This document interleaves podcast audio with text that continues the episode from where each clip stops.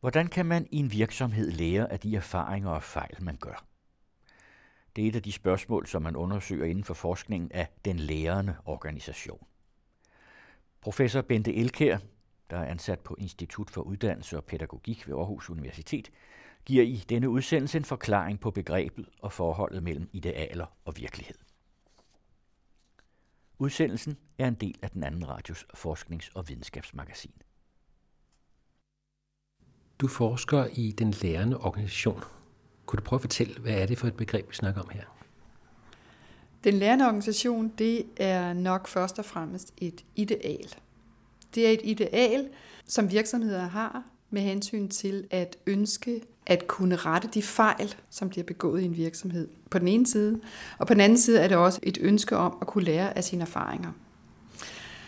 Og det er derfor, at den lærende organisation i så høj grad er blevet forbundet med videndeling. Hvordan deler vi viden i en virksomhed? Og man kan sige, hvis man ser den lærende organisation som en form, altså en organisationsform, ikke i form af en bygning, men altså som en særlig måde at organisere arbejde på, så er organisatorisk læring processen, hvormed man kommer til den form. Og jeg tror, at de fleste vil kunne øh, høre, at når man siger organisatorisk og læring, så er der allerede en masse, masse problemer i, hvad det så vil sige at lære noget, og hvad det vil sige at organisere noget. Og der kan man sige, at i de gode gamle dage, hvor organisationsteorien startede, der handlede organisationsteori om, hvordan organiserer vi arbejdet om en kerneopgave? Hvordan definerer vi vores hovedformål? Hvordan skaffer vi de rigtige mennesker, som kan arbejde med kerneopgaven og hovedformålet? Så man kan sige, at organisationer bestod af opgaver og mennesker. Så har der været en hel masse ind over i tidens løb omkring, hvad er en organisation. Blandt andet er organisationer blevet defineret som meningsskabende institutioner, altså organisationer, som, hvor det primært handlede om, hvordan laver vi mening her i virksomheden, Organisationer er blevet defineret som, hvordan skaber vi identitet for virksomheden som helhed, og blandt medarbejderne, hvad er identitet, følelser, værdier osv. Og på samme måde, så er læring jo også et begreb, som har udviklet sig i tidens løb. Da de gode gamle fædre, eller nogle af de gode gamle fædre til begrebet den lærende organisation og organisatorisk læring, nemlig Chris Argyris og Donald Tjøen, begge to fra MIT i øh, Boston, de begyndte det her arbejde med at udvikle tanker om den lærende organisation. Der handlede organisatorisk læring om at forsøge at rette de mentale modeller, som mennesker har, som styrer deres handlinger.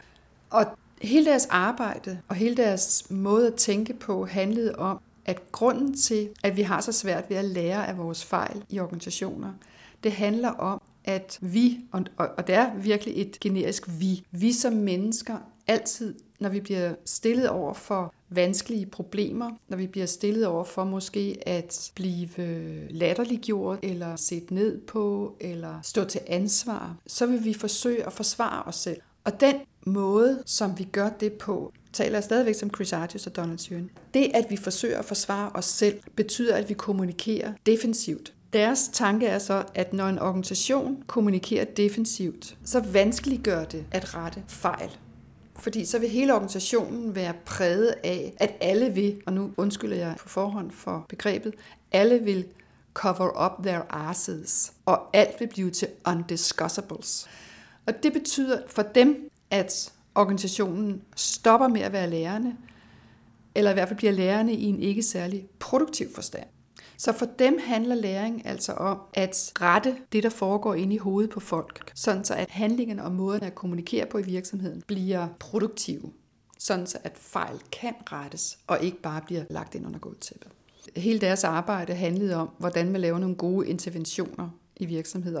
Og den måde, de arbejdede på, var, at de forsøgte at bevidstgøre primært ledere, fordi de var meget dyre konsulenter samtidig med, at de var forskere, primært at bevidstgøre ledere om, når de nu kommunikerer, hvor er det så, at deres defensivitet, altså deres forsvar sætter ind, og hvordan kan de så blive bedre til at undersøge deres eget forsvar. Så man kan sige, deres læringsteori, deres organisatoriske læringsteori og deres måde at arbejde med organisatorisk læring, handler faktisk om at forbedre personer. Altså hvordan forbedrer man personer, så de bliver bedre til at kommunikere. Og tanken er så, at når personer bliver bedre til at kommunikere frit og åbent, så er banen lagt til rette for at skabe en lærende organisation.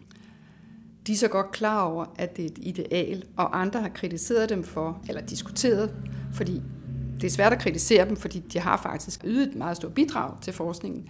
Men nogen har kritiseret dem for, at man skal være Chris Argys og Donald Schoen, og nu er de altså begge to døde, så det er svært for at udvikle en lærende organisation. Med det tankesæt. Andre måder at se på en lærende organisation på, har været, eller er, vil jeg sige, at tænke, at den måde, man lærer på i organisationer, det er, at man deltager i den organisatoriske praksis. Altså det vil sige, at hvis jeg får lov til at deltage i nogle opgaver, så kan jeg komme til at lære mere og mere og mere i organisationen. Så kan du godt høre, så kommer det til at handle om, hvordan får man så adgang til at deltage i forskellige praksiser i organisationen. Og får man adgang til at deltage i forskellige praksiser med viden, eller bare som på papiret. Og der kan vi jo godt tage et eksempel, der hedder virksomhedsbestyrelser. Er det sådan, at medarbejderrepræsentanter i en virksomhedsbestyrelse ved, hvad der foregår, når budgetter og regnskaber bliver hævet frem? Eller gør de det ikke? Jeg vil nok hævde, at mange ikke gør det, og måske ikke er i stand til at gennemskue, hvad der foregår med hensyn til budgetter og regnskaber. Og hvis man så skulle sige, at vi skal have en regulær læring, så skulle man forberede de mennesker, altså skulle man faktisk træne eller uddanne de mennesker til at læse budgetter og regnskaber. Fordi hvis man bare deltager pro forma, så er der ikke meget læring i det. Så den der med læring som deltagelse i praksis har altså både noget med adgangen til rummet, adgangen til praksis, men den har også noget at gøre med, på hvilken måde deltager man så nogen kalder det, hvad er det for en deltagerbane, og er den deltagerbane forsynet med for eksempel udvikling af kompetencer eller udvikling af færdigheder og viden, så man kan deltage kvalificeret. Det er en læringsteori, som er meget udbredt og har virkelig slået an i Danmark og i Norden, og som oprindeligt blev formuleret af en amerikansk forsker, Dean Lave, og en svejtisk forsker, Etienne Wenger. Og jeg har været meget inspireret af den måde at tænke på, fordi for mig at se, så var det et nødvendigt brud med den forestilling om, at alt, hvad der handler om læring, det foregår ind i hovedet på folk. Når man tænker sådan, så vil man frikende de betingelser, de enkelte har for at lære. Og det kan jeg se er utrolig vigtigt for at forstå læreprocesser. Det er, hvordan tænker man, at mennesker skal deltage i en virksomhed eller i en organisation. Selvom jeg har været meget inspireret af det, så har jeg også været mere kritisk, fordi jeg tænker, hmm, hvad er det, der gør, at man i deltagelsen lærer noget? Altså en ting er, at man skal forberede sig på det, en ting er, at man skal have adgang til det, men hvad gør, at man lærer noget? Og der har jeg så været øh, inspireret af den pragmatiske filosof John Dewey, det er en meget kompleks filosofi. Nogle tror, den er meget enkel og bare tænker på, at det er learning by doing. Men jeg vil sige, at det er en meget forenklet forståelse.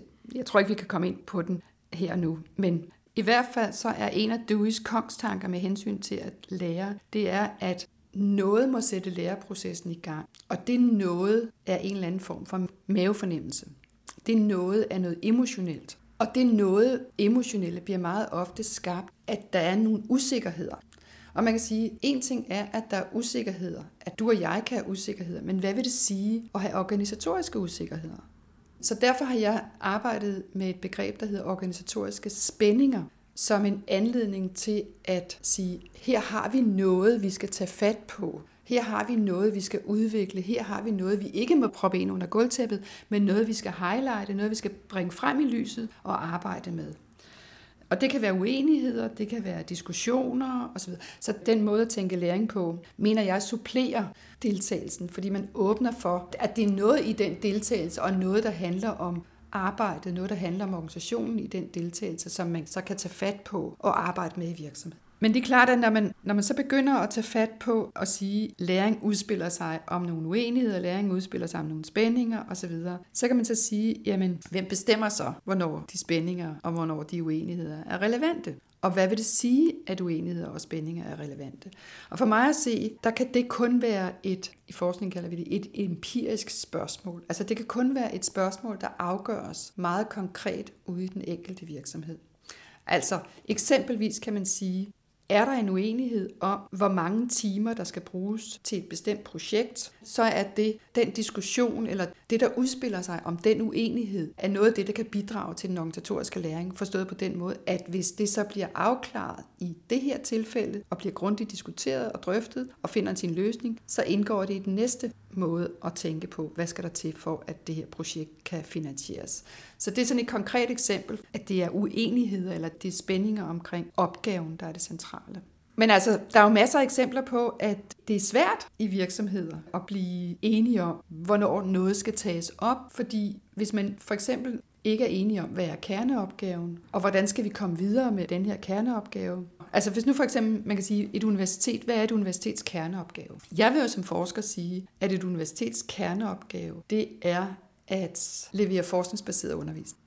Det er universitets kerneopgave. Det er det, det er sat i verden for at gøre. Og det kræver jo både, at man, at man har dygtige forskere, og at man hele tiden udvikler på sin undervisning. Men det kan jo godt ske, hvis du for eksempel spørger en administrativ person, eller en, en ledelsesperson i en virksomhed, så kan det godt ske, at vedkommende vil sige, at vores kerneopgave, det er at levere arbejdskraft til danske virksomheder så effektivt som muligt. Fordi det skal ledelsen jo sige. Det er jo ikke, fordi jeg er uenig med den kerneopgave, men man kan sige, at i det øjeblik, hvor der er ligesom to forståelser, eller to, og der er jo tit mange flere, forståelser af, hvad kerneopgaven er, så giver det jo anledning til, at man kan drøfte, man kan diskutere, man kan holde seminarer, man kan prøve at afklare, jamen, når vi nu siger forskningsbaseret uddannelse eller forskningsbaseret undervisning, hvad vil det så sige? Betyder det, at vi ikke skal levere arbejdskraft til øh, fremtidens virksomheder?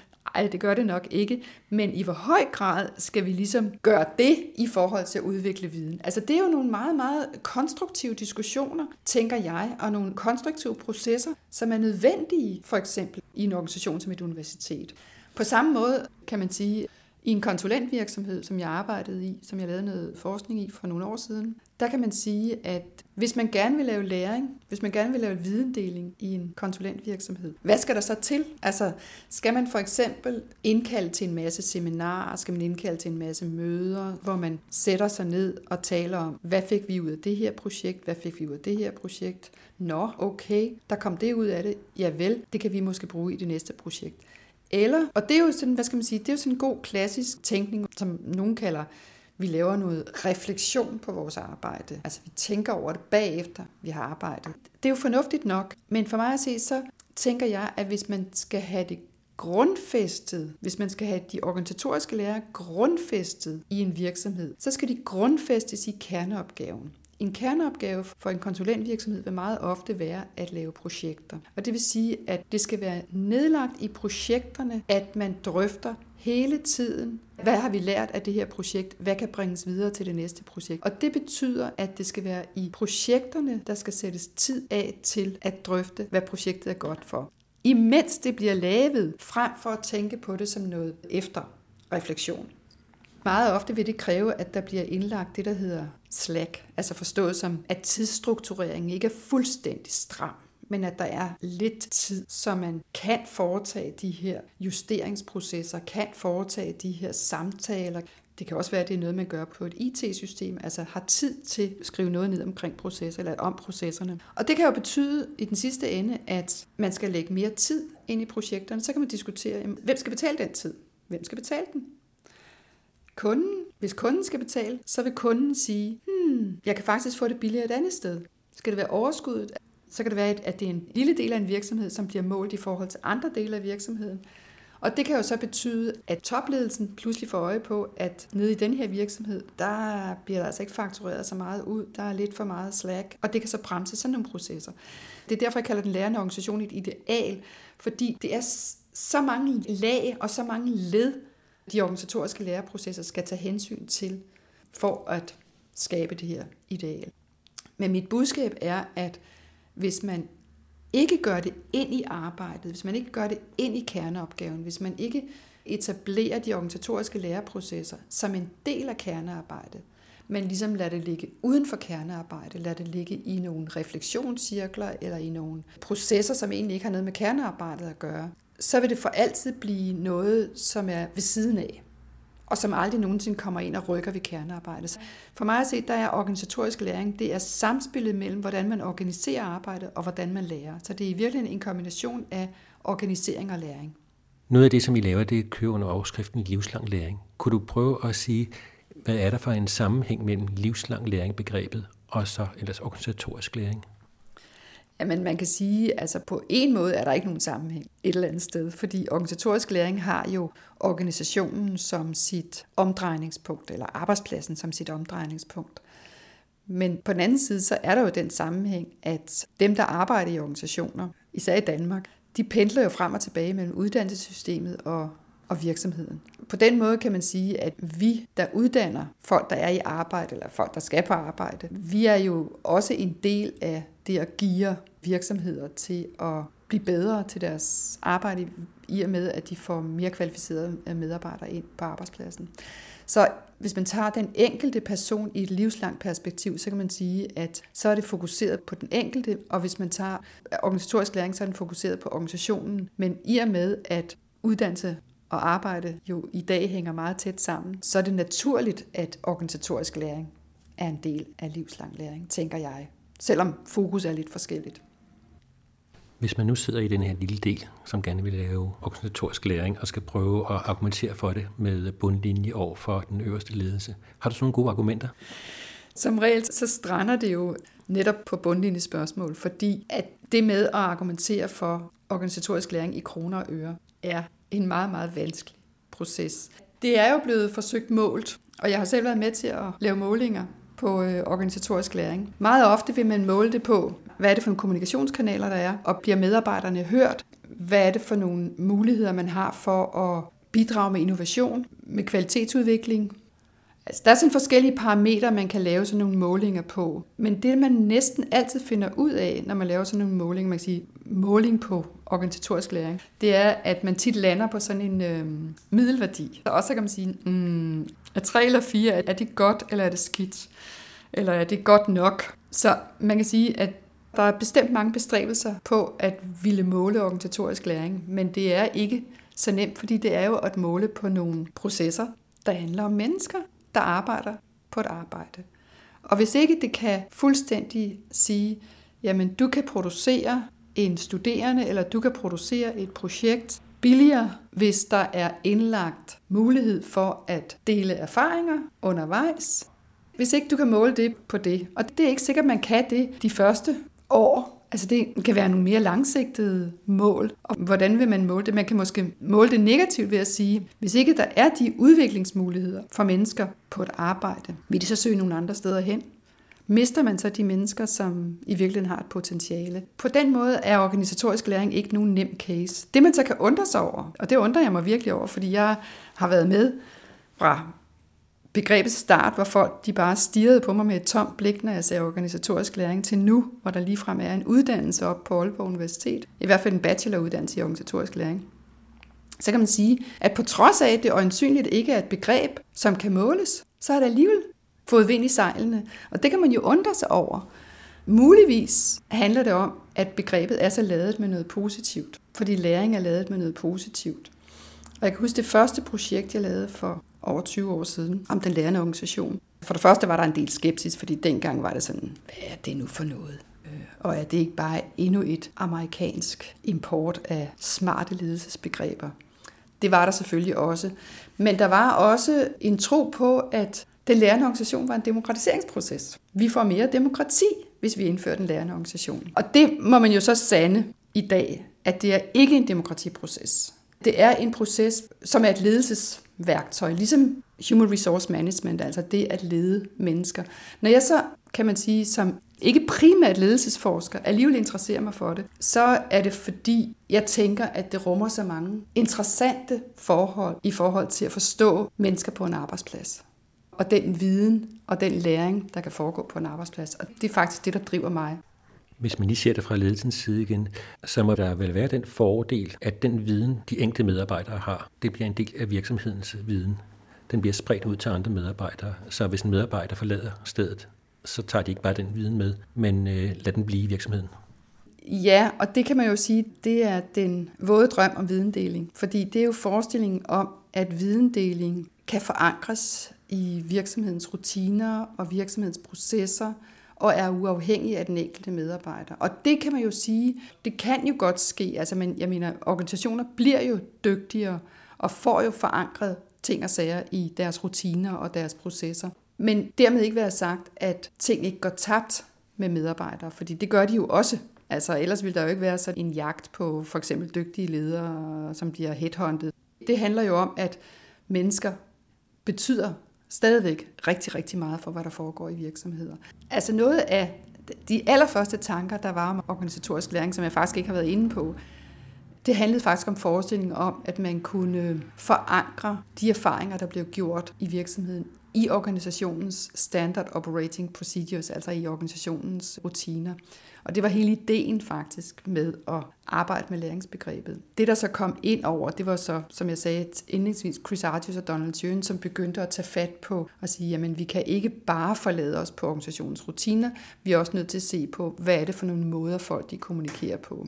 Og så kan man så sige, at reaktionen på det har så været interessen for, at vi bliver nødt til at kigge på en praksis, der er i virksomheden, og så se, om vi kan ændre praksis gennem organisatorisk læring. Og hvor jeg så kommer ind med min pragmatisme og siger, at det handler ikke kun om praksis, det handler også om relationen mellem mennesker og praksis, og relationen mellem de problemer og usikkerhed og spændinger, der opstår, og hvordan man så kan løse de usikkerheder og spændinger. Du snakkede om, at I havde lavet en undersøgelse om nogle øh, managementkonsulenter, hvor I har brugt nogle af de her tanker, som du har talt om.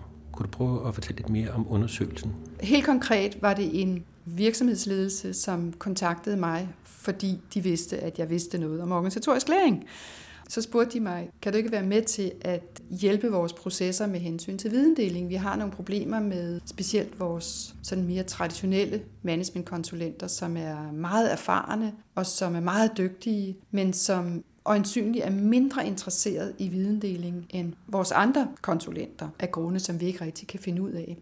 Vi drøftede så, hvad er det for noget arbejde, de her ledelseskonsulenter laver, og fandt jo så ud af, at mange gange, så laver de arbejdet som en enmandsherre. Altså de går simpelthen ud i virksomheder og er konsulenter der. Og det vil sige, at de bringer deres erfaringer med sig hver især.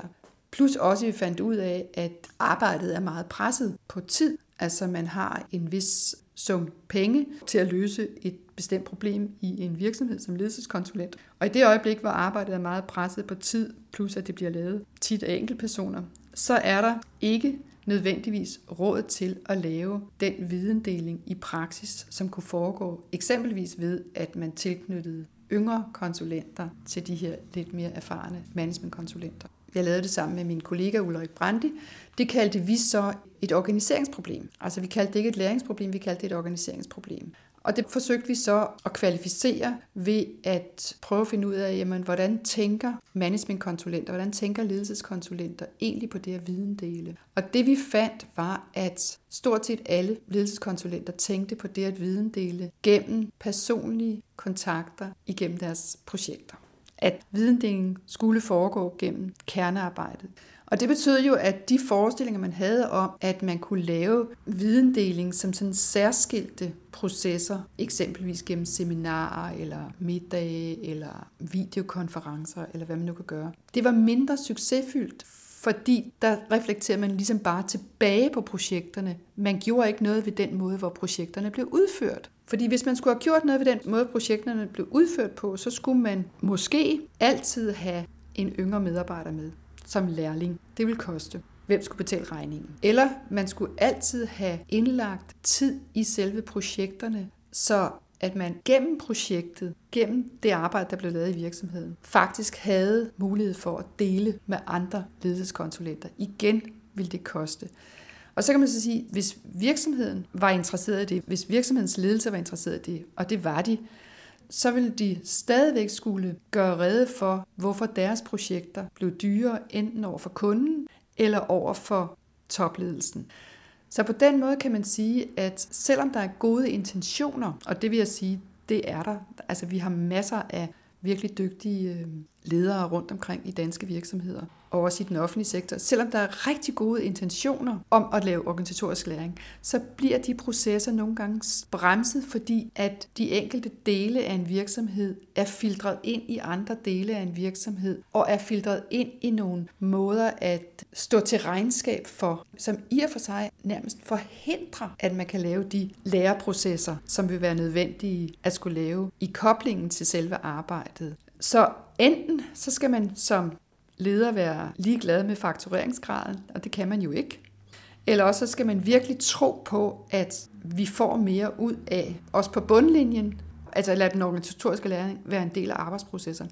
Men der er problemet jo meget ofte, at bundlinje bliver målt, ja, sågar hvert kvartal. Fordi der kunne det godt ske, at man ville have brug for at måle bundlinjer på et meget, meget længere øh, horisont. Og der kan man sige, der kunne, hvis ikke vi var så stramt styret også i den offentlige sektor, der kunne den offentlige sektor jo i og for sig godt gå foran og sige, jamen vi har budgetter, som rækker fem år frem i tiden, og det vil betyde, at vi kunne sætte nogle projekter i gang, som eksperimenterede med, øh, med det her, som jeg kalder slack, altså som tid, der ikke var til noget andet end tid, der var til at lære, og tid, der var til at, at lære af hinanden.